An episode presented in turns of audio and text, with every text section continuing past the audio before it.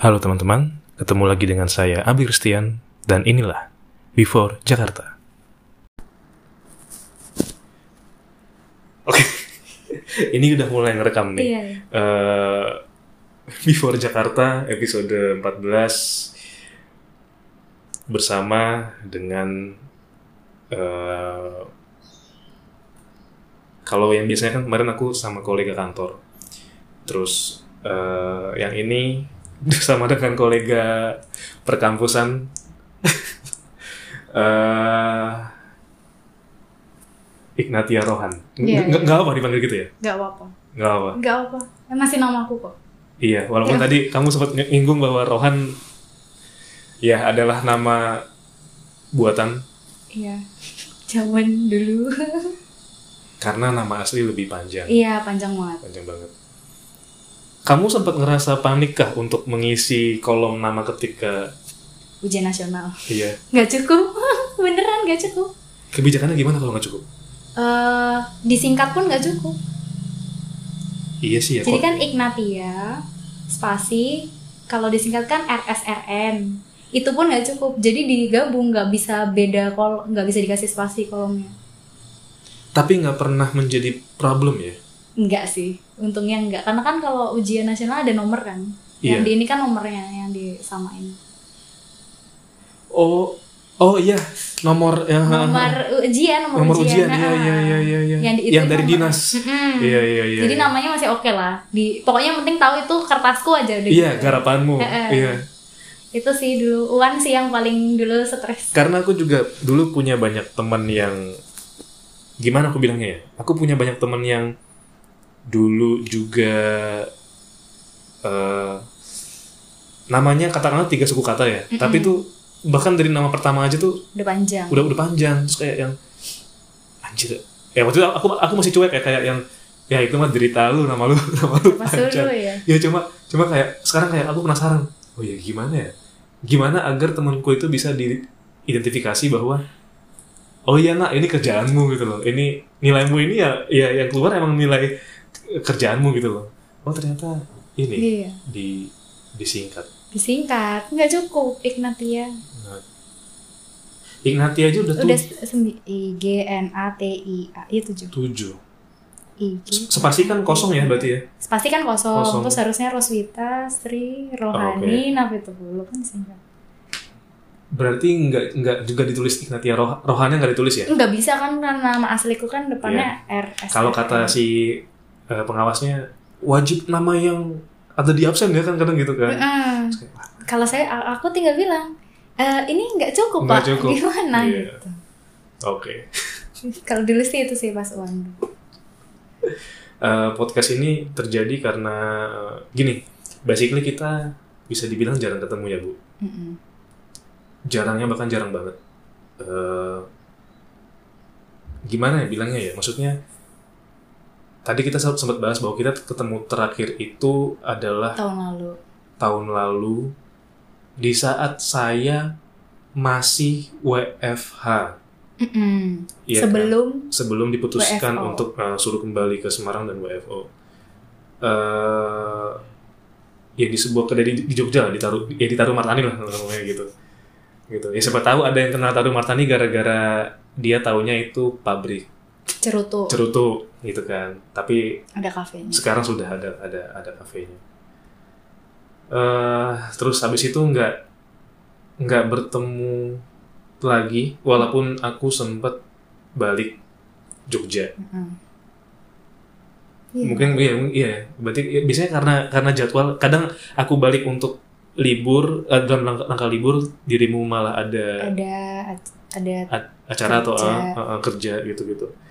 Dan memang salah satu hal yang jadi kulirik nih dari kehidupan seorang Inatia Rohan tuh, wah aku jadinya malah manggil manggilmu ada rohannya juga. Enggak apa. Iya, itu adalah tolong bantu saya berpikir dulu. Ah ini, in the end yang sekarang kamu lakukan, yang sekarang kamu tekuni, yang jadi dedikasimu adalah kamu mendedikasikan hidupmu untuk, oh bu, kita bilangnya sekarang pendamping. Anak berkebutuhan khusus. Oke. Kalau di sekolah namanya tuh shadow teacher. kalau di sekolah kan aku ada dua anak yang di sekolah Hmm. itu namanya shadow teacher Hmm. kalau di rumah yang aku ke rumah atau yang didatang ke rumahku ngomongnya pendamping anak berkebutuhan khusus gitu Oh wait, berarti kamu masih kadang ke sekolah? iya kan yang dampingin yang dua anak itu sekolah kelas pagi sama kelas siang eh ketika ke sekolah Heeh. eh dan mendampingi anak itu berarti kan anak tertentu ya? iya heeh. eh kayak paid-nya itu sekolah yang membayar jasamu atau orang tuanya secara spesifik membayar jasamu ya? orang tuanya tapi harganya nentuin sekolah jadi orang tuanya eh, bayar lagi jadi orang tuanya sudah bayar sekolah lalu dia membayarku Wow, oke oke. double Ini, ini ini enggak ini aku baru tahu karena aku pikir kan tadi aku pernah nanya ya, Ya. apakah apakah dirimu mengikut ikut dalam sebuah apa ya lembaga lembaga apa namanya? Maksudnya kayak lembaga lembaga lah gitu, Mm-mm. atau ini semacam pekerjaan yang dilakukan kalau orang-orang bilang freelance, jadi kayak oh iya itu si Tia bisa tuh eh, untuk mendampingi, jadi kayak orang-orang tahu kamu dari mulut ke mulut, terus kamu direkomendasikan atau gimana kita bilangnya? Kalau yang di sekolah itu dulu karena dia muridku waktu aku masih kerja di sekolah itu. Ya di sebuah sekolah ya. Eh, eh, ya, eh. Jadi dulu muridku yang aku pegang juga. Hmm. Jadi mungkin orang tuanya kayak "Oh, eh, kayaknya missnya Miss Ikna masih di Jogja deh. Gimana kalau bantu untuk pegang? Karena kan Oh. anak-anak kebetulan itu punya spektrum ya anak-anak dua itu kan Oke. eh, sensitif kan dengan orang baru Nah. harus adaptasi lagi tapi kalau udah kalau sama aku kan udah maksudnya mereka pernah lihat pernah ketemu Hmm. pernah eh, dekat gitu pernah jadi murid kan Iya. jadi mereka udah tahu eh, bentukanku tuh kayak gimana jadi lebih bisa cepat adaptasinya walaupun tetap lama sih nggak Iya, cuma iya, iya. sehari dua hari bisa sampai ya ada satu anak yang adaptasinya tiga bulan ada yang sebulan Bervariasi ya. iya Aku aku tergantung. pengen ngajak agak agak mundur dulu sebelum aku bicara masalah apa yang kamu lakuin sekarang. Mm-mm. eh yang ku tahu dulu kan di mana di kampus Mm-mm. eh ya kayak tadi kamu bilang bahwa kamu adalah BEMU aja itu mungkin terlewati ya dalam memoriku ya karena interaksi kita di kampus pun juga jarang kan beda Juga jarang. kelas soalnya beda kelas dan Hmm. itu beda kelas otomatis beda jadwal circle-nya beda circle-nya beda ya ya udah kayak pokoknya selepas acara inisiasi prodi Mm-mm. kehidupan kita udah sendiri-sendiri Iya. dan hanya say hello kalau di jam-jam gitu. ketemu di lab ketemu eh, ketemu di lab atau apa sih namanya apa bu kalau kita ada jeda, Jeda. dari ah, ah, gitu eh ya beda kelas bisa bisa membuat beda beda segalanya. Dirimu sempet yang ku tahu itu bukan bemunya tapi yang tadi sempet juga kita omongin adalah PSIBK Mm-mm. eh, sing- singkatan dari psikologi. Bukan bukan. Pusat studi. Ah itu akhirnya. Oke. Ah, jadi itu punya kampus bukan punya fakultas. Tapi yang mendirikan itu Pak Prio Bu Bu Lucy ikut nggak ya dulu aku lupa deh. almarhum tapi Bu Lucy. tapi lebih ininya Pak Prio Oh, oke, oke. Eh, ininya tuh Pak Prio dulu yang membuat Karena- Berarti gagasannya pun dimiliki oleh Bapak. apa jadi dulu itu ada eh, namanya kalau aku nggak salah inget ya jadi kan di Jogja itu eh, ada eh, biarawan biarawati yang ngurusin untuk anak-anak berkebutuhan khusus Hmm. Nah waktu itu Sanata Dharma itu membuat pelatihan untuk si ini kan karena mereka akan menjadi guru kan Hmm. guru buat si anak-anak ini nah tapi butuh butuh apa namanya butuh apa ya butuh wadah gitu Hmm. untuk nanti kalau ada yang mau kasih donatur apa gimana lalu terbuatlah si PSIBK ini gitu pusat studi individu berkebutuhan Pusat khusus studi individu. Karena dulu Hmm. Karena juga letak ruangannya itu di dekat psikologi. di dekat lab psikologi, iya. Orang-orang banyak mengasosiasikan bahwa itu milik. Em, sementara waktu itu milik psikologi sementara karena waktu itu belum tahu ini mau ditaruh mana kan. Oh, tapi akhirnya dikembalikan lagi ke PGSD karena Pak Priyo kan juga awalnya kan guru kan dari dosen pendidikan dosen- guru kan tadinya Iya, uh, sama- yang lalu di Merican. yang di Merican terus sama Pak Priyo sama Bu Lucy kan terus bikin psikologi yang jadi eh, apa tulangnya psikologi kan sama Pak siapa itu yang aku lupa deh Pak Wahyudi. Pak Wahyudi dulu tuh Pak Priyo Bu Lucy Pak Wahyudi tuh yang ini psikologi kan dia Iya. tiangnya psikologi tiang kan psikologi. Gitu tapi kan dasarnya Pak Priyo tuh kalau nggak salah setauku tuh di Memang keguruan yang setauku keguruan, iya. ah. Memang Bapak itu pendidikan banget sih. pendidikan banget Iya, ya ya makanya terus tutur katanya juga Eh, eh, Mm-mm. terus eh, ditaruh di psikologi karena waktu itu di Merican tuh nggak ada tempat kalau nggak salah juga ya. Oh, Tapi setelah PGSD sudah oke, udah ada tempat, udah dapat pindahlah ke, ke PGSD. Waktu itu kan kita sempat pindahan tuh Iya, iya. Mm, dari psikologi ke iya. PGSD. Bahkan Anti pernah bilang eh Jadi jauh sekarang. iya apa? Aku aku lagi ngurusin ini nih Pindahan. pindahan Mm. yang ibaratnya sehari aja nggak Nggak, nggak, Nggak- nggak, cukup ya, nggak cukup. Waktu cukup. itu hampir seminggu, karena kan berkas segala macam kan harus satu-satu kan, mana Heeh. yang inventarisnya psikologi, mana yang bisa kita bawa kan kita nggak tahu. Terus eh, waktu itu pindahnya awalnya di masih di gedung PGSD di ruang dosen waktu itu Heeh. di lantai tiga ruang dosen, tapi yang dosennya tuh cuma di situ tuh cuma satu. iya Jadi ruangannya dua bisa kita memanfaatkan pakai. ruang kosong iya. Mm-mm.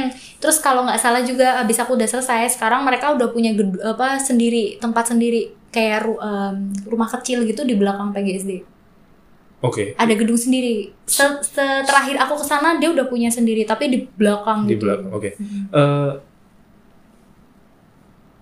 menurutmu dalam hidupmu kamu memang harus melewati tahap bertemu atau dedicate dulu ke PSIBK tadi ini. Mm. Lalu kamu akhirnya berpikir untuk mendedikasikan hidupmu untuk ABK ya, Mm-mm. anak berkebutuhan khusus atau atau sebenarnya tidak perlu melewati ini, kamu sudah punya kecintaan tersendiri terhadap bidang ini atau atau gimana bidang? Dulu tuh pertama kalinya bukan PSIBK sebenarnya yang bikin aku pengen. Aku masuk PSIBK karena ada sebelumnya.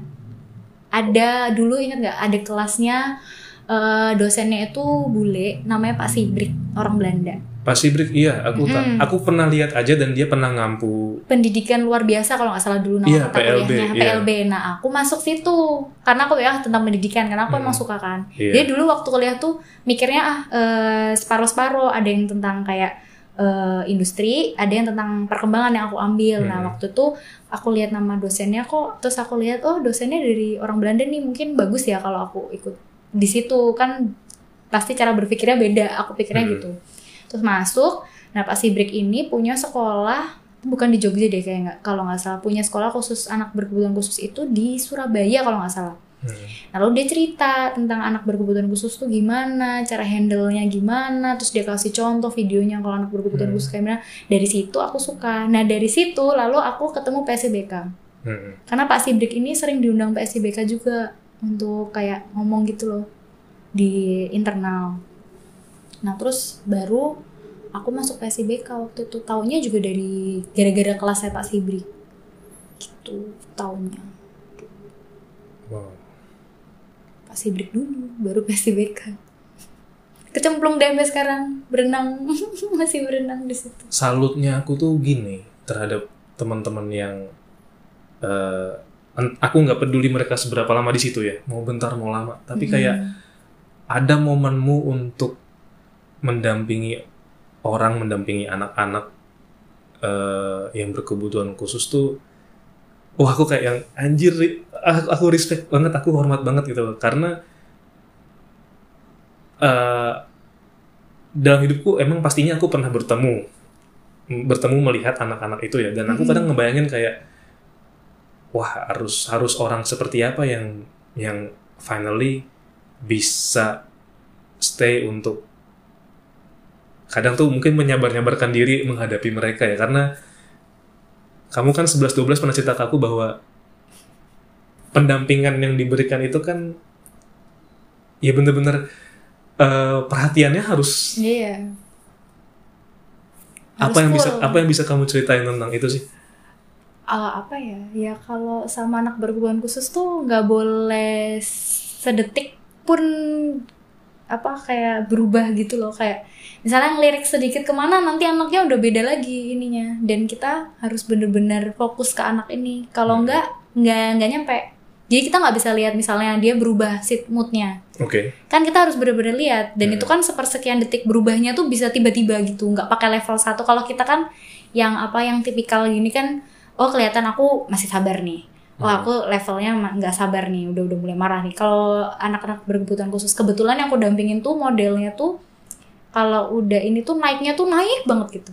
Nggak ada level 1, 2, 3 nanti naiknya langsung ke 100 gitu. Tiba-tiba marah gitu, tiba-tiba dia ada yang dia nggak sesuai sama dia, dia langsung kayak apa ya anak kecil ya. Kalau nggak suka kan nangis misalnya. Hmm. Tapi kalau ini kan nangis tapi dia posisinya kan umurnya udah udah misalnya em, 6 tahun gitu. Jadi kan kekuatannya beda. Kekuatannya iya. kan pasti beda dong sama anak bayi kan. Hmm. Jadi kita benar-benar harus menjaga dia supaya nggak masuk ke su- apa tahap yang 100 itu loh.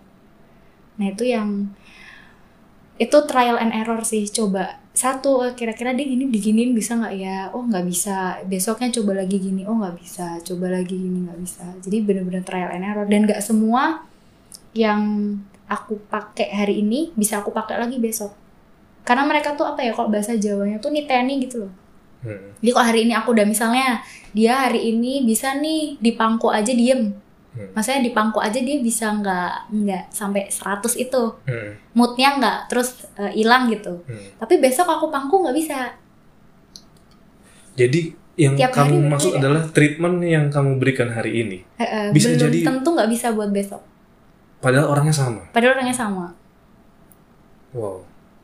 Jadi kita Berarti harus benar-benar harus Gak bisa diprediksi ya. nggak bisa nggak bisa dan kita nggak boleh misalnya aku di rumah lagi ada masalah lalu aku bawa nih sampai sekolah aku masih kesel masih ini mereka tahu Mereka tahu. tahu hari itu pasti rewel jadi ketemu mereka terus hai kamu hari ini ya kita Hmm. mau ini mau ini kalau aku sih membiasakan setiap masuk aku akan cerita bahwa kita hari ini mau apa Ah, ini nih, ini ini ini ini ini aku jadi pengen tahu mekanismenya ketika berhadapan bertemu dengan mereka Mm-mm. dan kamu punya kebiasaan mengawali pertemuan itu dengan kamu akan bilang bahwa kita mau ngapain Mm-mm. ke teman-teman ABK.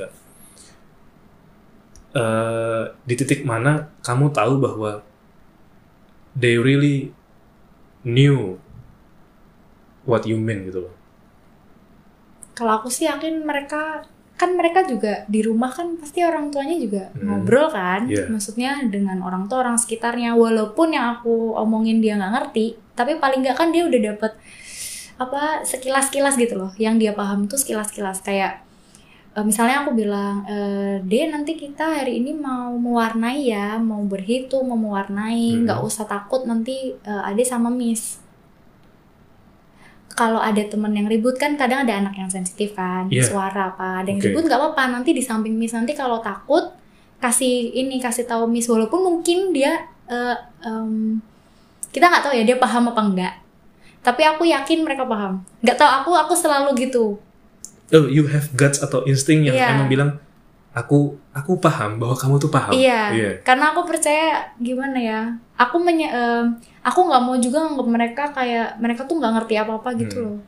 Karena mereka sebenarnya ngerti kok. Kayak waktu itu aku pernah bilang, e, Dek hari ini tuh Miss tuh lagi sedih banget. Ya, ada namanya kan, biasanya Hmm. aku sebut nama. Eh gitu. Dek, aku- Miss tuh hari ini lagi sedih banget. Jadi hari ini bantuin Miss ya supaya nggak nggak apa supaya hari ini tuh jalannya apa belajarnya lancar gitu Wow. mereka tahu dan mereka waktu misalnya gitu tuh eh, misalnya mereka tiba-tiba peluk kayak gimana? Ya Hmm, hmm. ya aku nggak tahu apakah itu spontan mereka perilaku spontan atau gimana tapi aku merasa mereka tahu. Mereka tahu kok sebenarnya tuh yang kita omongin tuh tahu kok. Wow. hanya kan re- eh, dia sama anak tipikal. Kalau kita biasanya bilang bukan anak normal ya tapi anak tipikal itu eh, sebenarnya mereka tuh sama hanya ini kan spesial.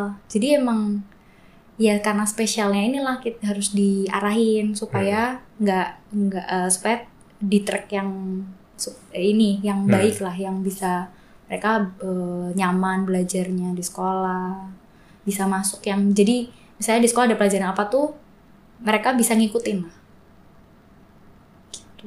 Nggak harus mereka bisa tapi mereka mau ngikutin aja udah bagus.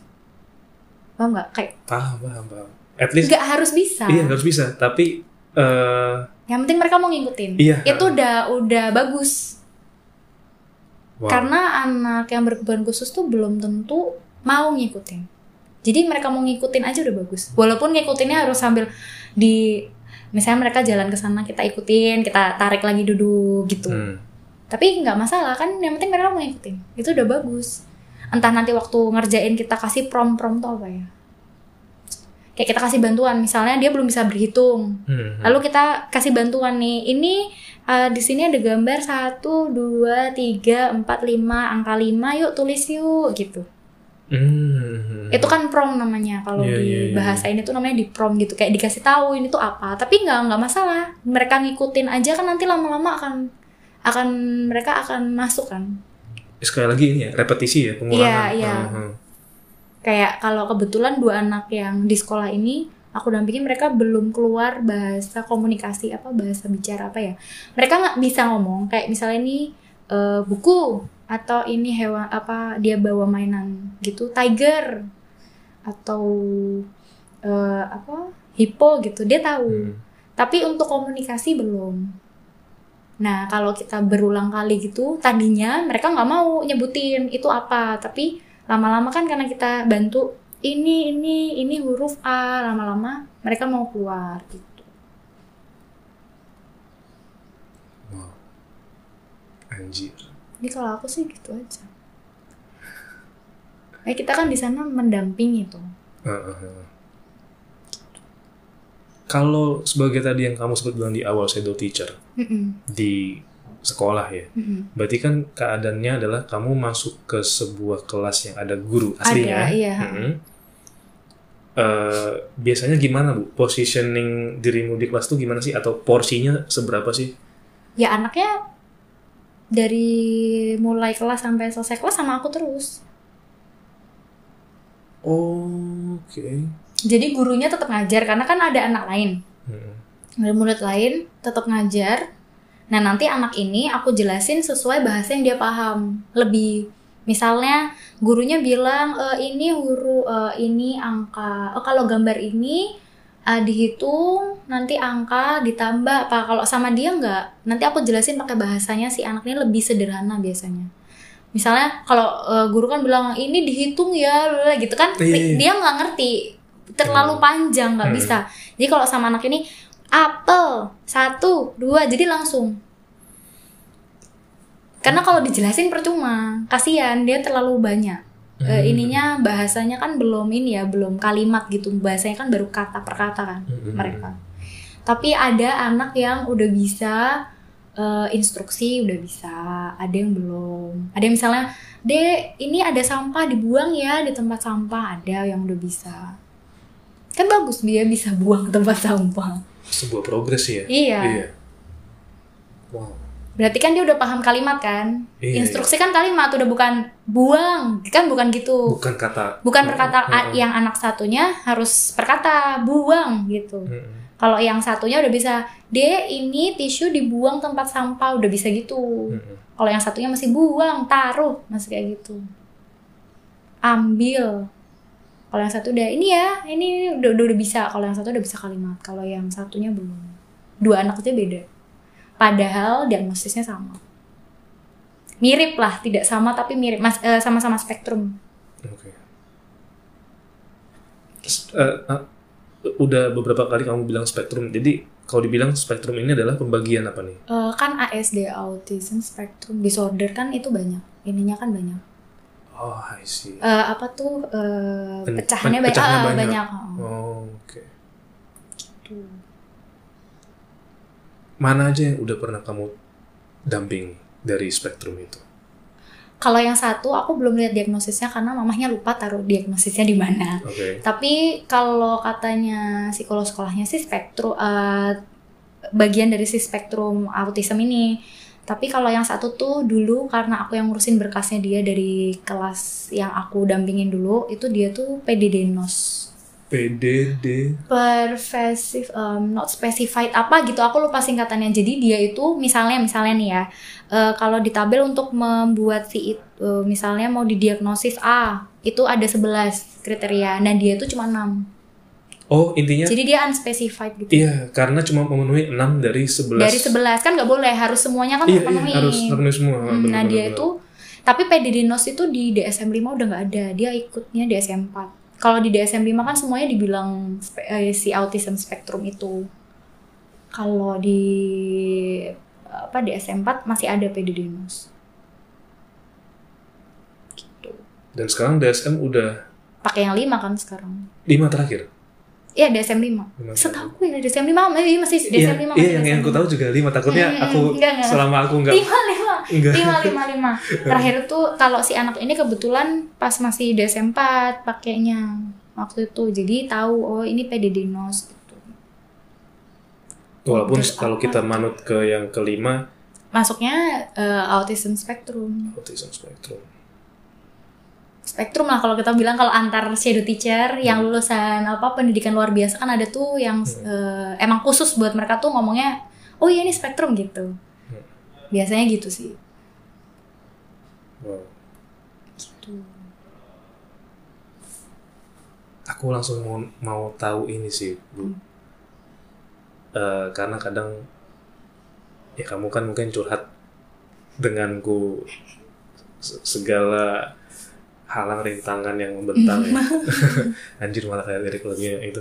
Eh ini intinya gini. Eh ceritain dong susahnya itu Heeh. gimana? susahnya sih karena Aku tahu itu susah ya, tapi aku aku aku aku tuh bayangin aja kayak itu susah gitu. Aku aku pengen tahu ceritanya. susahnya tuh kadang gini loh karena dia itu kan berkebutuhan khusus ya Hmm. dan moodnya naik turun Hmm. kalau kebetulan yang aku damping ini dua anak ini yang satu itu masih bisa di masih bisa dibujuk-bujuk lah. Jadi kalau dia tiba-tiba moodnya jelek gitu masih bisa di "Dek, Dirayu, yuk, ah, masih bisa dirayu masih yuk duduk yuk dulu apa duduk dulu ada mau uh, main yang ini ya gitu. Masih bisa Hmm. lah dialihkan tuh masih bisa. Kalau yang satu udah nggak bisa. Karena kebetulan yang satu juga eh, terapinya barusan baru setahun terakhir ini zaman pandemi dan dia nggak sekolah lagi Jadi kan Sempet sempet nggak sempat sekolah. sekolah waktu pandemi kan dia nggak sekolah. Lalu dia sama mamahnya dilesin renang sama terapi. Tapi kan kalau terapi kan cuma one by one ya si anak dengan terapisnya. Nggak ada lingkungan lain kan? Nggak ada anak-anak nggak ada anak-anak lain nggak ada iya. yang berisik nggak ada yang satu ngomong apa satu ngomong apa gitu. Nggak ada guru yang jelasin di depan dengan suara keras gitu atau pakai apa tuh kalau di kelas kan kadang nyanyi pakai kecerekan itu loh biar asik kan gitu. Nah yang kebetulan satu nih eh karena belum biasa jadi dia masih maunya modelnya aku mau A ya kamu harus turutin jadi dia belum paham rules bahwa ini tuh di kelas loh kamu harus nurut loh, kamu harus gini loh. Kalau yang satu, dia udah tahu, oh aku tuh di kelas. Walaupun dia suka jalan-jalan, maksudnya dia tiba-tiba suka ke sana ke sini, maksudnya nggak betah duduk, tapi kalau aku panggil dia mau. Berarti sekali lagi sebenarnya dalam beberapa case kognisi teman-teman kita yang ABK ini literally paham ya. Paham, paham. Paham. Makanya aku bilang aku yakin mereka paham. Jadi jangan bilang mereka tuh nggak ngerti apa-apa, Hmm. mereka tuh nggak bisa. Bisa paham tapi belum keluar. Jadi kayak tombolnya tuh belum ketemu gitu loh. Tombol on off-nya nih Iya, iya, iya. kapan on ya. iya itu belum ketemu gitu mereka bisa tapi kan berproses ya kayak waktu itu si anak yang satunya itu yang itu sama sekali nggak mau keluar suaranya. Padahal di rumah keluar. Jadi kalau ngeliat sesuatu tuh mau gitu. Ngomong. Ma- bukan ngomong. Jadi kayak bilang eh, one two three. Mau. Di rumah? Di rumah bisa. Oh, tapi iya. kalau di di rumah juga modelnya gini. Kalau dideketin sama mamahnya dia berhenti. Diem lari Uh, can we call that as aduh aku malu atau atau gimana tuh? Eh, mungkin, Mungkin mungkin, ya, mungkin ah. dia kayak, eh, gitu, eh, ketahuan deh gue Ah, bisa gitu, iya, mungkin ya. iya, iya, iya. Aku juga nggak tahu kan aku nggak nggak belum bisa nanya, eh Hmm. kenapa sih deh kamu Hmm. mau ah, miss nggak mau gitu. Nah tapi kemarin terakhir-terakhir tiga bulan kemarin itu dia mau, eh dua bulan lah nggak tiga bulan, dua bulan lah dari November itu, dia tiba-tiba mau lagi duduk di depanku, dia mau ngomong, dia mau bilang one two three atau eh, angka bahkan dia udah bisa puluhan kayak 23 94 kayak gitu-gitu. Malah dia udah jauh dari temennya untuk memahami bentuk angka ya. Hmm. tapi kalau untuk berhitung mungkin belum. Tapi maksudnya dengan dia udah mau keluarin suara di depanku aja udah bagus kan. Dia mau duduk aja udah bagus. Dia mau pegang pensil tadinya tuh sama pensil tuh dibuang. Dia nggak mau pegang. Karena dia tahu nulis kan susah sakit kan tangannya. Hmm. dipegangin Misalnya kan aku pegangin sini nggak mau bisa sampai melantai-melantai untuk bujukin dia cuma pegang Pegang pensil. Tapi sekarang dia udah mulai kalau ayo sini walaupun dia ngerjainnya saya eh ambil kayak gitu, tapi dia mau udah mau. Eh, sampai kayak kesel gitu loh kayak aku dipaksa nih kayak gitu. Aku juga suka cerita sama mamanya, mah nih loh tadi tuh loh adik tuh mau pegang mewarnai tapi sambil eh gitu. Terus mamanya iya mis gak apa-apa. Ah, segala yang aku lakukan sama anak ini aku selalu lapor ke orang tuanya. Hmm. Wah, eh, kalaupun mereka tantrum pun aku lapor mah tadi maaf eh, misalnya pe- saya pegang mungkin agak keras jadi mungkin ada kadang kan ada bekasnya gitu ya kita kan takut ya karena kalau nggak dipegang bisa nanti bahaya juga buat dia kan kalau tantrum kan nggak sadar kan dia jeduk-jedukin kepala ke lantai atau dia tiba-tiba banting-banting badan ke lantai Iya, iya, iya. itu sih yang susahnya itu sama kadang ada teman-teman yang teman-teman sekelasnya itu yang nggak paham. Jadi kayak malah dia takut sama anak ini. Kemarin ada sih satu yang agak susah sih. Jadi dia sampai oh, apa bilang ke guru kelas itu kayak help me help me gitu. Padahal anak ini lagi nggak ngapa-ngapain. Anak yang mendamping itu lagi duduk tenang. Tapi setiap anak ini bikin gerakan tuh kayak anaknya tuh langsung yang anak sekelas ya yang tipikal yang yang biasa tuh langsung kayak waspada. Ya aku nggak bisa salahin sih. Iya. mungkin di rumah juga orang tuanya mungkin belum menjelaskan belum loh ya bukan tidak menjelaskan loh Bener. mungkin orang tuanya eh, nggak tahu kalau ada si ini Hmm. terus ada juga dari guru misalnya em, kadang ya gitu mungkin karena anaknya kan kalau tantrum kan berisik ya nangis apa Iya, gitu iya. jadi kayak misalnya ada nih anakku nih sebenarnya dia tuh nggak mau dipisahin dari kelas jadi Hmm. misalnya masih AE nya tuh masih menurutku levelnya masih bisa lah di kelas gitu. Tapi Iya. udah disuruh keluar misalnya gitu. Tapi begitu disuruh keluar tantrumnya makin makin ekstrim. Karena dia merasa marah kan. Kok aku dikeluarin dari kelas? Oh iya iya iya iya. jadi itu kadang yang bikin aku bingung juga ini jelasinnya gimana. Tapi aku nggak bisa salahin guru kelas juga karena dia harus harus handle anak yang lebih banyak kan Iya, gitu. Ibaratnya gimana caranya pun juga tetap kondusif kan. Nah jadi ya gitu. Eh, kalau ada anak lagi yang satunya ini tiga bulan itu bener-bener tiap hari tantrum. Tiap hari. Pokoknya dulu aku eh, taunya anak ini membaik adalah maskerku nggak rusak terus aku baru oh ini anak ada progresnya Oke oke. karena biasanya sehari itu khusus anak ini kan anak ini kelas siang ya itu Hmm. maskerku bisa rusak sampai tiga kali karena ditarik apa putus itu Dan talinya. dirimu bisa ganti sampai tiga kali juga Mm-mm, mm-mm. dalam satu hari. Jadi misalnya gini, ini putus satu, pasang lagi kan, udah diikat, putus lagi satunya, diikat, putus lagi kan tiga kali berarti talinya.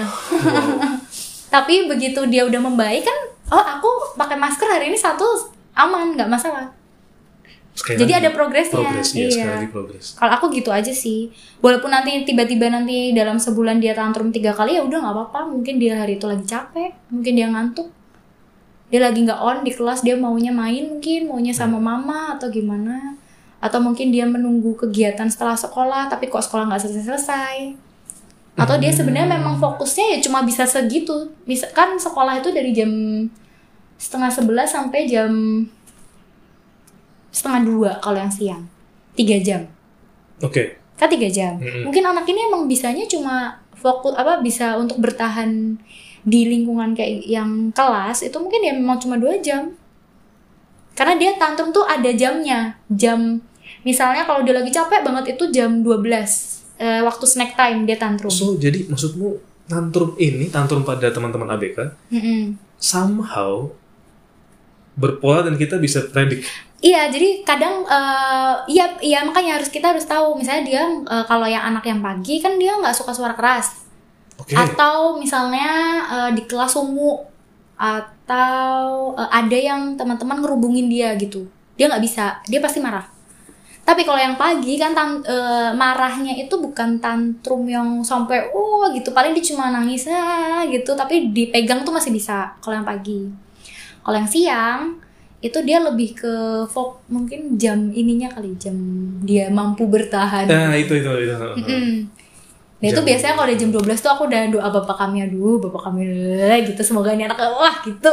Kalau udah momen jelang menjelang snack time gitu kalau udah udah ah gitu langsung yo yo gerakin tangan yo angkat tangan tangannya di mana karena aku mempelajari dia kalau lagi berenang kok happy kan mamanya suka kirimin miss ini lagi berenang dia malah ketika di, Gerak. di environment itu dia happy, Happy ya? di Ah. air di apa kan bergerak kan. Yoi. Terus aku tanya biasanya tuh sama coachnya diapain dia mah supaya Hmm. maksudnya mau untuk berenang apa Hmm. gimana? Oh ini nih kalau apa eh, pemanasan apa. Jadi aku pakai di sekolah oh angkat tangan. Ayo angkat tangan. Gitu. Terus nanti dia lupa kan? Lupa moodnya oke lagi gitu. Tapi nanti sekian menit dia inget gitu lagi ya nggak apa-apa diulang lagi diulang supaya dia juga tahu bahwa ini sekolah. Kamu harus bertahan gitu. Jahat sih sebenarnya. Tapi ya mau gimana? Karena dia sekolah di sekolah bukan sekolah khusus kan. Dia kan Iya. nggak eh, s- eh, sekolah kebetulan sekolah ini kan bukan sekolah inklusi juga bukan sekolah khusus juga Iya, iya, sekolah iya. biasa. Sekolah biasa. Dan yang mau menerima kan gitu. Dengan anaknya harus dengan syarat anaknya didampingi si teacher gitu jadi harus ngajarin gimana mereka bisa bertahan di kelas gitu. Anjir. Seru sih tiap hari tuh beda ada aja. Makanya sekarang aku belajar aku kebetulan ketemu terapis yang baik hati yang mau Oke. mengajariku. Hah? dia terapis bicara. Dia mau mengajariku harus ini anak tuh harus diapain di kelas tuh programnya harus apa karena kan gini kita belajar psikologi ya Iya, oke. tapi kan general benar jadi tentang berkebutuhan khusus kita diajarin kan Iya. Eh, perkembangan anak usia dini gangguan di perkembangan kita kan Hmm. belajar Hmm. tentang uh, anak luar biasa segala macam Iya. belajar tapi untuk program kan kita nggak belajar Iya. yang belajar adalah mereka yang uh, sekolahnya um, untuk jadi terapis dan pendidikan luar biasa yang sekarang juga banyak pseudo teacher teman-teman aku tuh yang dari lulusan pendidikan luar biasa itu ada namanya jurusan pendidikan luar biasa namanya PLB Oh iya, PLB. Mm, dia nanti dapat ininya SPD karena dia kan guru jadi guru di Oh iya, pendidikan. Ya, pendidikan luar biasa. Nah itu aku banyak eh, kebetulan aku ketemu sama teman juga yang sekarang lagi S2 juga tentang pendidikan luar biasa dan satu eh, dan satu terapis bicara yang baik hati banget kalau aku nanya tuh kayak mereka bahkan kayak programnya dia dia kasih tahu eh ini loh gue tuh punya program ini ini aku bilang anakku tuh belum keluar nih bicaranya di apa ya dia mereka kasih eh, si terapis bicaranya itu eh, ngasih. Oh, baik hati banget. Iya ngasih apa ngasih ini programku aku pakai tuh ini ada ini ini nih ini kalau gini caranya begini Berarti caranya kayak begini. siapa tahu program itu bisa kamu Eh, terapkan eh, di kali-kali dari salah satu ini kamu Iya. bisa gitu sebelah halaman deh aku ingat banget padahal aku cuma nanya gimana ya anakku belum keluar tapi dia jawab dia iya dengan- dia ini. Padahal Hmm. sebenarnya dia itu terapis bicara yang sebenarnya kan jauh banget sama kita ya. Kan kalau terapis bicara masuknya perawat ya kalau nggak salah sekolahnya. Keperawatan kan? Kalau nggak salah lu. Iya. Iya iya benar. TR kan ininya TR. kan TR TR terapis kan ininya. Terus eh, yang satunya tuh S2 PLB itu juga baik. Dia temanku shadow teacher tapi aku suka sharing. Apa misalnya aku suka nanya aduh aku lagi kesel banget ini di mana ya? gitu gitu aduh misalnya ada masa di kelas aku kayak nggak serak sama guru kelasnya di- misalnya aku kok gini? Padahal kan aku maksudnya begini. Nanti dia kasih tahu iya mungkin gurunya begini loh maksudnya miss atau gimana oh. Ya kadang kan kita maunya misalnya lo kok anakku? Ya oke lah anakku berkebutuhan khusus tapi jangan diginiin dong gitu misalnya. Aku gitu. Terus aku ngomong kan sama si temanku yang sedang S2 ini. Hmm. di PLB juga. Itu aku bilang gimana ya kok guru begini sih? Terus nanti dia jelasin iya karena kan dia harus begini harus begini. Ya gimana ya? Coba nanti diomongin nih gitu. Jadi dia kadang kalau aku lagi kesel gitu dia menenangkanku. Itu masih menjadi partnermu atau? Eh semester depan udah enggak. Karena dia harus selesai S2 oke. Dan dia mau menikah kata bapaknya kalau belum selesai S2 dia nggak boleh. Nggak boleh nikah. Jadi dia selesai S2 dulu ya. Yang prioritasnya kan S2 dulu. Berarti akan kalau dia selesai MPD Magister Pendidikan. Iya kayaknya sih begitu ya kalau Karena nggak salah. S1-nya S1-nya SPD. Kan kalau kan pendidikan kan SPD ya? Iya. Pendidikan luar biasa kan dia. Iya ibaratnya mau kamu pendidikan apa pun iya SPD, SPD. iya iya. Terus dia ini lagi mau nyelesain tinggal tinggal selesai tinggal maksudnya kalau dia udah fokus cepat selesai lah Ah, amin Iya. ada grupnya kita bikin grup grup ini eh, apa shadow teacher di sekolah itu Oh. yang kelas tadinya tuh karena aku cuma pegang kelas pagi Iya. jadinya pegang satu anak doang tadinya kan Hmm. jadi aku bikinnya cuma yang untuk kelas pagi ternyata aku kan ikut kelas siang juga yang anak yang satunya kan kelas siang Yang tadi cuma berapa jam? ya itu? kan setiap sesi kan 3 jam Oh. jadi oke. dari jam 7 sampai jam 10 setengah 11 sampai jam setengah satu eh setengah dua 7 sampai 10 tuh berarti kan 7 tuh ya jam awal iya masuk. itu yang yang pagi Yang pagi. yang satunya siang terus nanti habis pulang dari situ aku dampingin lagi yang jam 4 slow learner Karena tapi itu di rumah oh iya, aku ke rumah dia karena jujur aku tidak pernah menyangka dirimu finally gini, aku aku aku aku paham bahwa dirimu eh, ketika dulu kuliah aku di penglihatanku oh dia cukup banyak mengambil mata kuliah yang sifatnya pendidikan Mm-mm. gitu. Tapi aku tidak pernah menyangka bahwa oh iya nih. Berarti apakah kalau misalnya aku nanya dirimu sudah menemukan titik nyamannya ya? Iya, tapi aku nggak nyaman karena kan aku sekarang sebenarnya tuh nyaman nggak nyaman sih. Karena kan sekarang aku jalan sendiri nih. Oh iya dia bukan bukan Aku ikut. eh, Ah, bukan ikut atau aku nggak punya eh, atau kemarin sih sama teman kelas 2 apa kita bikin ini ya, Miss apa eh, khusus untuk orang-orang yang mau dampingin. Karena untuk cari shadow teacher itu susah banget kan. So- sorry susahnya kenapa mau? Karena eh, pertama ya harga nggak nggak tinggi. Oh Terus kan ngitungnya per pertemuan, bukan kayak kalau kita di perusahaan yang Yang kayak gaji. sebulan berapa Oh, gitu. oke, kan oke. kita dapatnya per datang. Kalau anaknya nggak datang ya kita nggak dapet. Terus yang kedua anaknya kan susah. Kan kita butuh kesiapan juga untuk dampingin. Kalau anaknya yang tidak terlalu susah sih nggak apa-apa. Tapi kalau yang susah yang kayak aku dampingin dua anak ini, iya. yang tantrum, yang nangis, yang marah, yang gigit, yang nendang. Yes. a- a- berarti sorry yang kok aku bilangnya damage sih? Ya intinya kayak yang paling pol tendang itu atau gimana? Gigit sih. Saya nggak lepas. Oh, gigit nggak lepas. so it made bruises. Iya, di sini makanya aku selalu bawa trombopo, bawa betadine, bawa ansaplas. Bapak tuh salep eh, Iya yang Iya, buat ya? biru-biru itu. buat biru kan buat memar gitu-gitu. Mm-mm. Wow. Jadi harus siap. Kalau enggak ya sakit. Kalau lagi itu sih segini nih kan kena tendang kaki kan. Iyalah. Kalau aku biasanya aku arahinnya emang ke kaki atau ini karena kalau ke perut kan bahaya ya. Jadi aku Bahaya, bahaya. ah. Emang aku pegangin kalau emang nggak sengaja ketendang maksudnya kenanya masih kaki gitu, nggak kena yang lain. Karena kalau udah tantrum memang bisa sampai melantai, Iya, melantai bilang kan. melantai ya. Iya, iya. Kayak karena harus dipegangin kalau nggak dipegangin eh, karena kebetulan anak yang aku pegang kan udah usianya kan 6 tahun ya, pasti badannya udah besar juga Hmm. berat juga. Jadi kalau mau aku jadi mereka tuh kalau aku pelajarin ya, kalau didudukin, kalau mereka udah duduk di kursi, Iya. itu tenangnya lebih jauh, lebih bisa ditenangin daripada kalau dia aku biarin di lantai atau guling-guling gitu. Tapi untuk bawa dia duduk, nah itu kan oh bawa dia duduk lagi. nah itu yang susah.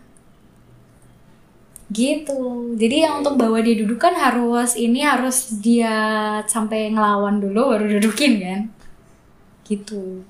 Intinya kayak biarkan dia Habis dulu Habis dulu. ininya, emosinya. Emang kadang emang gitu sarannya dihabisin dulu baru nanti karena kalau nggak habis nanti kasihan juga kan dia kan mau marah kan boleh dong karena dia belum bisa ngomong kan dia mau marah loh nggak ada cara lain selain itu gitu mungkin dia kesel sama aku yang maksa dia belajar nggak maksa sih kayak ayo duduk. Nggak maksa aku nggak pernah maksa sih. Kalau dia nggak mau ya aku ya udah kita tunggu bentar ya gitu.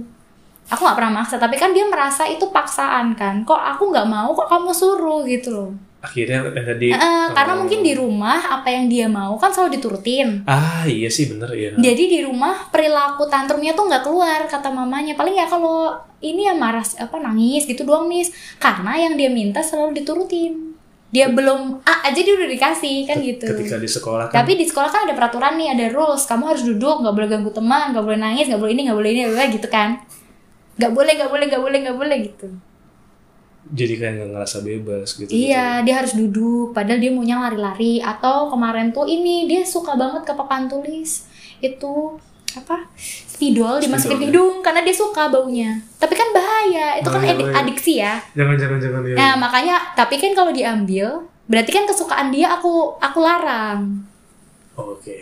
Nah itu yang dia eh ya anak anak Kalau khusus kalau kan pengendaliannya kayak belum bisa. gimana? Eh, pengkondisiannya untuk dia bisa kita balikin ke kondisi semula. Kalau kemarin tuh aku gini, begitu itu udah mau deket hidung, gue tarik. Ya, gue tarik. Sama aku kasih papan tulis kecil depan dia, jadi dia coret-coret. Oh, coretnya di situ. Heeh. Tapi kadang dia, tapi dia sering masukin hidung sih. Jadi kalau begitu aku lihat, makanya aku bilang nggak bisa apa sih istilahnya nggak bisa meleng dikit gitu nggak bisa. Karena dia tiba-tiba masukin ya udah masuk gitu kan. Seneng dia Oh, baunya, iya, iya, iya, iya iya. kan bahaya tapi. Bahaya. Terus waktu itu sampai aku bawa ke psikolog sekolahnya, duh gimana ya bu ini bahaya soalnya kalau nggak dikasih itu dia ambil penghapus, dia leletin satu muka. Sorry, penghapus papan. Iya, yang itu kan habis ngapus, kan baunya tetap ada kan dia. Ah, oke. oke. Karena spidolnya aku sembunyiin. Dia ambil penghapusnya. Berarti kan yang bisa dia cari adalah hal yang masih bisa ada baunya itu ya. Iya, mungkin dia eh, modelnya sensitif apa bau. Jadi dia mungkin suka sama bau itu. itu kan men- apa me- ini dia ya membuat dia bahagia tuh. Iya, iya. Itu kan wangi apa kan buat bahagia gitu. Jadi eh, mungkin dia suka itu, jadi ya dia ambil terus. Tapi lama-lama akhirnya setelah sebulan dengan aku kalau dia deket, aku bu, aku tarik, aku ini akhirnya dia ya udah, udah nggak cium-cium sekali-sekali ya, tapi nggak nggak kayak dulu yang tiap kali gitu. Itu makanya ada, eh, ya itu harus proses, nggak bisa sehari dua hari. Kalau anak biasa, ih jangan deh, itu bahaya deh, gitu kan bisa. Kalau ini nggak bisa, harus karena dia belum bisa bicara, kita pakainya perilaku ini, pakai bentuknya perilaku. Perilaku. Hmm. Iya, iya, iya, iya. Wow, Gitu. Kalau aku sih aku tuh denger ceritamu aja aku udah kebayang capeknya loh. Capek sih. Capek. Sampai rumah tidur. Bener-bener batin, eh, fisik. Iya. Iya, nggak cuma batin doang ya kan, tapi fisik, Fisik juga juga, juga iya. kena ya tadi. Aku kalau sekarang kan eh, kalau dulu kan 7 to 4 ya kerja. Iya. Sekarang 7 to 8 lah. Karena kan habis dampingin dia aku masih dampingin slow learner. Aku ke rumahnya. Nanti yang sore ada lagi. Dia ke rumahku karena udah sore aku nggak mau ke mana-mana. Jadi waktu itu mamanya minta tolong. Eh, sa- jadi dia sebenarnya ininya si Carola tapi kebetulan berkebutuhan khusus lalu Carola refer ke aku tapi Oh, aku tahu, tahu, bilang tahu. tapi jadwalku udah full nih sampai sore That's why pada akhirnya aku eh, nggak bisa kalau harus ke mana-mana lagi aku udah nggak punya tenaga kalau kamu ke rumahku mau nggak aku bilang gitu dan ya akhirnya menyang- menyanggupi Mm-mm. respect. jadi jam 6 sampai jam 8 di rumah ada lagi Wow, tapi untungnya jam 6 sampai jam 8 tuh nggak tiap hari sih iya. kadang tiga kali seminggu, kadang dua hari seminggu. Kemarin juga sempat ada yang ku bantu karena anaknya nggak ini kan kayak susah gitu. Aku Gak apa sih. Tapi seneng gimana ya? Capek tapi seneng. Aku lebih seneng gini sih. itu sebenarnya. Tapi kekhawatiranku cuma kan karena aku jalan sendiri kan ini, Ya, nggak ada, maksudnya nggak ada yang dam, nggak Aku kan ikut apa-apa nggak ikut, sendiri, Iya, heeh. nggak ikut lembaga apa pun. Heeh, nggak ikut lembaga apa pun makanya aku cari ilmunya juga aku bener aku niatin kayak eh, ngobrol yang terapis itu bener-bener aku cari karena aku nggak mau juga kan dampingin asal-asalan gitu loh Benar-benar. Sebenarnya itu sih. Maksudnya sebelum kita mendampingi kan memang at least kita bisa memprediksi dan tahu bahwa ketika ada mau gini AA, aku harus gimana Itu. yang bagus yang baik iya, bagaimana yang karena kan efektif gimana? eh, kan kayak kalau basicnya udah tahu nih ilmunya Hmm. gimana kan dari sekolah dulu dari PSIBK juga udah tapi eh, kalau PSIBK kan kebetulan dulu yang didampingin Tuli dan Jadi- udah dewasa kan Iya, iya. Ah, udah udah udah di atas 17 tahun gitu Hmm. jadi kalau ini kan eh, lebih mudah gitu. Tapi kalau yang ini kan ini masih kecil. Dan berkembangnya kan sama kita. Kalau kita salah nanti sampai gedenya salah kan kasihan juga gitu loh. Riskan ya. ya nanti dia punya trauma ternyata. Cara kita salah dia malah jadi takut. Kan bahaya ya. Jadi terus aku akhirnya eh, cari ini cari itu kayak yang ya pokoknya cari ilmu lah gitu. Makanya aku pengen banget lanjut S2 tapi khusus yang tentang special needs children itu Children with special needs. Hmm. Iya, jadi kayak tapi ya itu kalau aku sih pengennya lanjutnya tuh di Inggris itu tapi belum dapet sih ya. Masih tunggu beasiswa lah. Nggak sanggup kalau aku, aku sendiri. doakan one day bisa didapetin ya Iya. dan tercapai apa tadi perkara beasiswa S. Tapi aku bersyukur loh beasiswanya yang misalnya tahun lalu aku belum dapat. Karena kalau Karena tahun ini kalau tahun lalu aku dapat aku nggak belajar dari ini. Si Si anak-anak yang aku dampingin Anak-anak ah, anak-anak ini. Kalau gini kan aku udah nyemplung, istilahnya udah tahu oh di lapangan tuh yang benerannya gini. Karena kalau yang sebelumnya kan yang aku dampingin lebih banyak kan di kelas. Jadi aku nggak bisa fokus ke si anak ini doang. Iya. Walaupun anak dua ini dulu juga muridku di kelas gitu, tapi kan aku nggak bisa fokus ke mereka. at least kamu udah tahu realitanya seperti apa. Iya di lapangan kayak gini, situasinya begini, hubungan dengan orang tua begini, dengan guru begini. Jadi kan itu bisa ku jadikan apa pembahasan kalau aku nanti lanjut sekolah gitu loh. Malah kemarin waktu nggak keterima beasiswa tuh kayak aduh kok keterima nih gimana nih gitu. Tapi Tapi, ternyata- ternyata... ya mungkin Tuhan maunya aku lihat dulu nih, kamu yakin nih mau ini. Kalau mau lu lihat dulu nih So gimana. eh, perkara nggak mendapatkan yang tahun kemarin ya berarti Iya tahun kemarin nggak dapet. mungkin kita bisa bilang apa nih blessings in disguise ya? Iya, tapi ya, jalan Tuhan sih. iya kan Menurutku jalan Tuhan sih. Bagus gitu. ada kesempatan yang lebih dekat yang bisa kamu Mm-mm, lihat yang bisa kamu alami eh in- instead atau dibandingkan ketika kamu waktu itu langsung udah dapet langsung ya. berangkat gitu Habis ya. resign langsung dapet gitu, malah nanti di sana kayak eh gue mau ngapain ya? Karena pengalamannya nggak banyak. Kalau sekarang kan udah banyak. Maksudnya, oh ini ada anak yang tipenya begini, ini begini, caranya begini loh ternyata bisanya. Wow. Ada kasus ini, kasus itu, kasus ini. Karena kan ternyata kasusnya nggak cuma di anak itu, kita harus gimana nyampein ke orang tua, orang tuanya terima. Maksudnya mener, bukan terima, maksudnya bukan terus nanti kalau kita jelasin dia marah nggak, tapi menerima keadaan anaknya. Itu kan Anaknya. kita harus nyampeinnya kan oh ma begini loh anaknya tuh ke kemarin tuh bisa loh. Karena ada orang tua yang aduh kok belum bisa ya mis aduh kok belum bisa ya? Gitu. Berarti kayak nuntut bahwa ayo dong ada perubahan atau, atau gimana? Hmm, bukan nuntut sih ya kita kan tahu ya perasaan orang tua ya. Iya. Orang tuanya tidak menuntutku untuk anaknya bisa. Orang tuanya ini kebetulan yang aku dampingin ini orang tuanya baik-baik gitu. Nggak ada yang menuntutku harus eh anak gue harus bisa ya lu dampingin oh gitu cuma enggak. mereka punya concern di Iya punya Ah. concern kayak, aduh, aduh anakku kok belum bisa ya miss? Gimana ya, aduh kok dia belum bisa, ini kok belum bisa? Gitu. Ya, terus kita nyampein nggak apa-apa mah, namanya progres, perkembangannya ya kita ikutin aja. Nanti kan satu waktu dia akan ada tom ada kliknya gitu. Aku sih percayanya gitu sih. Pasti Satu ada waktu- kliknya. satu waktu akan Karena kan kita dampingin terus, nggak mungkin dong dampinginnya sia-sia. Kalau aku gitu kan kita udah sama-sama berusaha nih. Iya.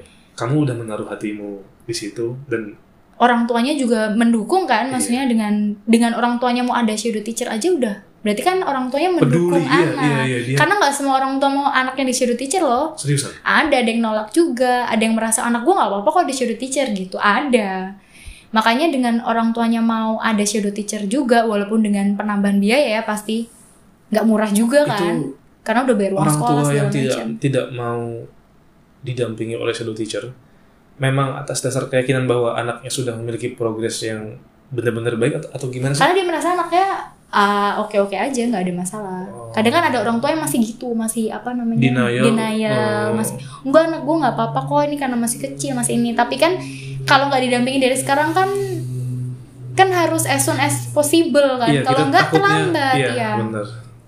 gitu kalau aku sih selalu kalau ketemu anak yang berbagus aku selalu bilang "Eh, coba dibawa ke per- eh, ini deh dokter perkembangan atau ke psikolog perkembangan supaya tahu nih semakin cepat semakin baik iya, kan kira-kira kenapa? Mm-mm. Karena semakin cepat di terapi semakin baik. Lebih connect lah. Apa ya, lebih connect lah sama orang-orang itu yang sekitarnya. itu yang kami yang aku harapkan juga. Itu yang penting kan karena Iya. social skill kan. Kan manusia hidup kan butuh social skill juga nggak Iya. cuma oke misalnya anak eh, autis gitu, pintar misalnya ya, Iya. IQ-nya tinggi. Tapi kalau dia nggak punya social skills nanti di masyarakatnya gimana? Kan kasihan. Makanya aku selalu bilang semakin cepat semakin baik kalau di terapi. Misalnya treatmentnya tuh harus diapain tuh loh. Gitu kalau aku sih. Selalu gitu ku ayo ayo cepet diperiksain biar terapi cepet banget cepet aku selalu kayak zaman aku masih ngurusin anak itu zaman kecil ya nah ayo mas sebelum umur lima tahun nih kan golden age kan Iya. tiga lima tahun Gila sih aku saya makin respect bu. Gila. tapi ya itu waktunya habis di situ akhirnya Iya sih. Bu, ada yang mau kamu? Aku kan nanya terus dari tadi. Eh, ada yang pengen kamu katakan atau apa ya? apa pun itu? nggak tahu deh. Ngomong apa? Ya nggak ada ya. Eh ya semua pilihan hidup kan? Semua pilihan itu.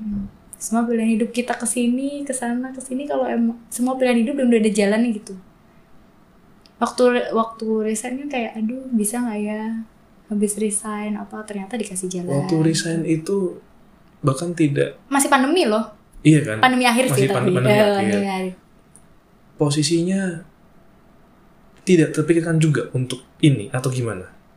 tadinya nggak tadinya kan mau langsung S2 kan Oh iya deh.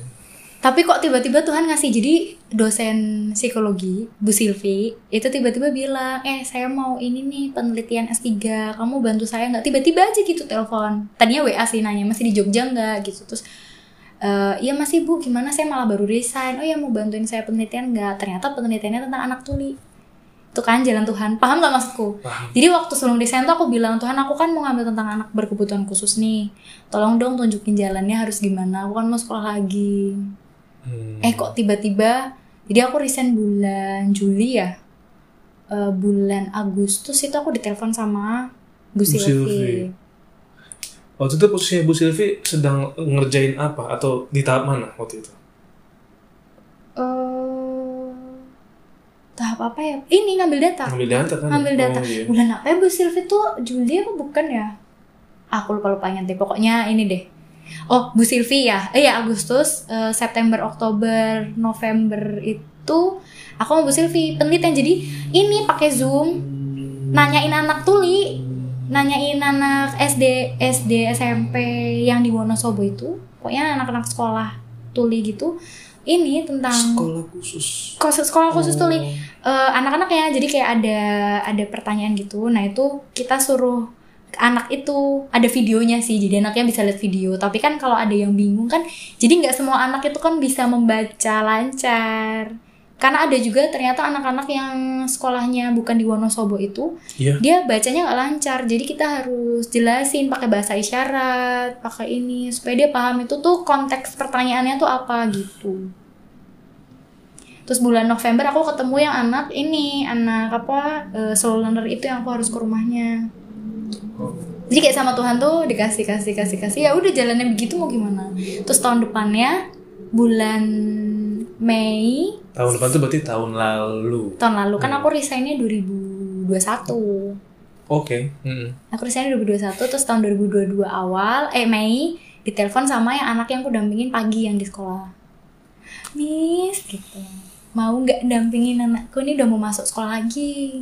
Aku oh iya mah nggak apa nggak apa. Terus pas aku Nice. udah dampingin udah masuk sampai bulan September di sekolah terus yang anak kedua yang siang. Mamanya kan tahu oh udah buka sekolah nih udah bisa sekolah terus cari shadow teacher.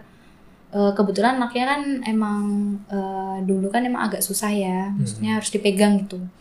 Terus pas aku tahu dia ini, ya udah aku dampingin nggak apa-apa. Karena tuh anaknya udah kenal kan. Iya. Jadi gitu akhirnya kalau ketemu gitu. Terus kalau yang anak ini yang seloner lagi yang ke rumahku yang malam itu itu ketemunya tahun lalu akhir eh, bulan-bulan Juli juga Agustus. Kayak sama Tuhan terus dikasih dikasih ya udah. Iya. Kayak pasti udah di jalannya deh. Kalau kita pengen sesuatu tuh kalau minta pasti dikasih jalan. Walaupun Nggak langsung Nggak pasti, langsung. tapi Ada jalan. ada jalannya. Kayak eh, ya gitu. Pasti ada jalannya. Kalau aku sih selalu percaya gitu. Nggak nggak nggak bakal rugi deh kalau ini. Iya. Kalau kita tahu kita mau ke mana, terus minta sama Tuhan. Ya kita berusaha juga kan. Nggak mungkin Iya. cuma minta doang. Tapi maksudnya pasti ada dikasih jalan. Aku sekali lagi bukan sekali lagi ya tapi yang jelas aku ingin berterima kasih denganmu karena ini ya sudah mendampingi teman-teman luar biasa dengan hati yang besar Eh, nggak kerasa kita udah ngobrol. Ini udah mau satu jam. Gila. Eh, Iya, itu itu itu itu itu yang yang yang poin yang aku pengen tekanin. Aku berterima kasih padamu dan teman-teman di luar sana yang eh, mengabdikan diri mendedikasikan diri Hmm. dan yang sedang menjalani atau punya kesempatan untuk mendampingi teman-teman ABK gitu. Eh, I will release it as soon as possible. Iya. heeh. Eh, merilis ini sebenarnya bukan bukan hal yang bukan hal yang susah. Even aku mau rilis di mana pun bisa. Bisa. Eh, tapi kadang kalau aku mau buat bukan sinopsis bilangnya ya, tapi kayak kadang kan ketika di podcast itu kan ada kayak deskripsi. Nah, aku kadang butuh waktu. Cuma untuk ngerilisnya aku bisa cepet. Maybe maybe hari ini ini bisa bisa bisa aku rilis gitu. Nanti kita take a selfie dulu untuk sebagai sebagai sebagai covernya gitu. Once again, thank you sudah ada di podcast saya. Terima kasih sudah mendampingi teman-teman luar biasa dengan hati yang besar. Iya. Mungkin Ini i- mungkin itu judulnya yang akan gue Iya. pakai. ini pekerjaan yang membuatmu bahagia kalau kamu beneran suka ya. Iya. Dan aku harap senantiasa orang-orang bisa bahagia Mm-mm. dengan cara Iya. apa pun. Iya. Eh, Before Jakarta episode 14 Abdul Christian bersama Ignatia Rohan. Thank you. See you dalam episode selanjutnya. Halo teman-teman Before Jakarta, teman-teman yang sering mendengarkan, jangan lupa untuk subscribe dan memberikan rating ke podcast Before Jakarta di Spotify. Lalu, jika teman-teman somehow merasa podcast ini bermanfaat atau baik gitu ya, dalam hal apa pun, eh, teman-teman jika berkenan bisa mendukungku lewat sawerianya Before Jakarta yang mana linknya sudah tertera di bio profile podcast di Spotify dan di Instagramku at abiel ya abilang saja sih. At a b i e l a n g s a j a. Itu aja dulu. Terima kasih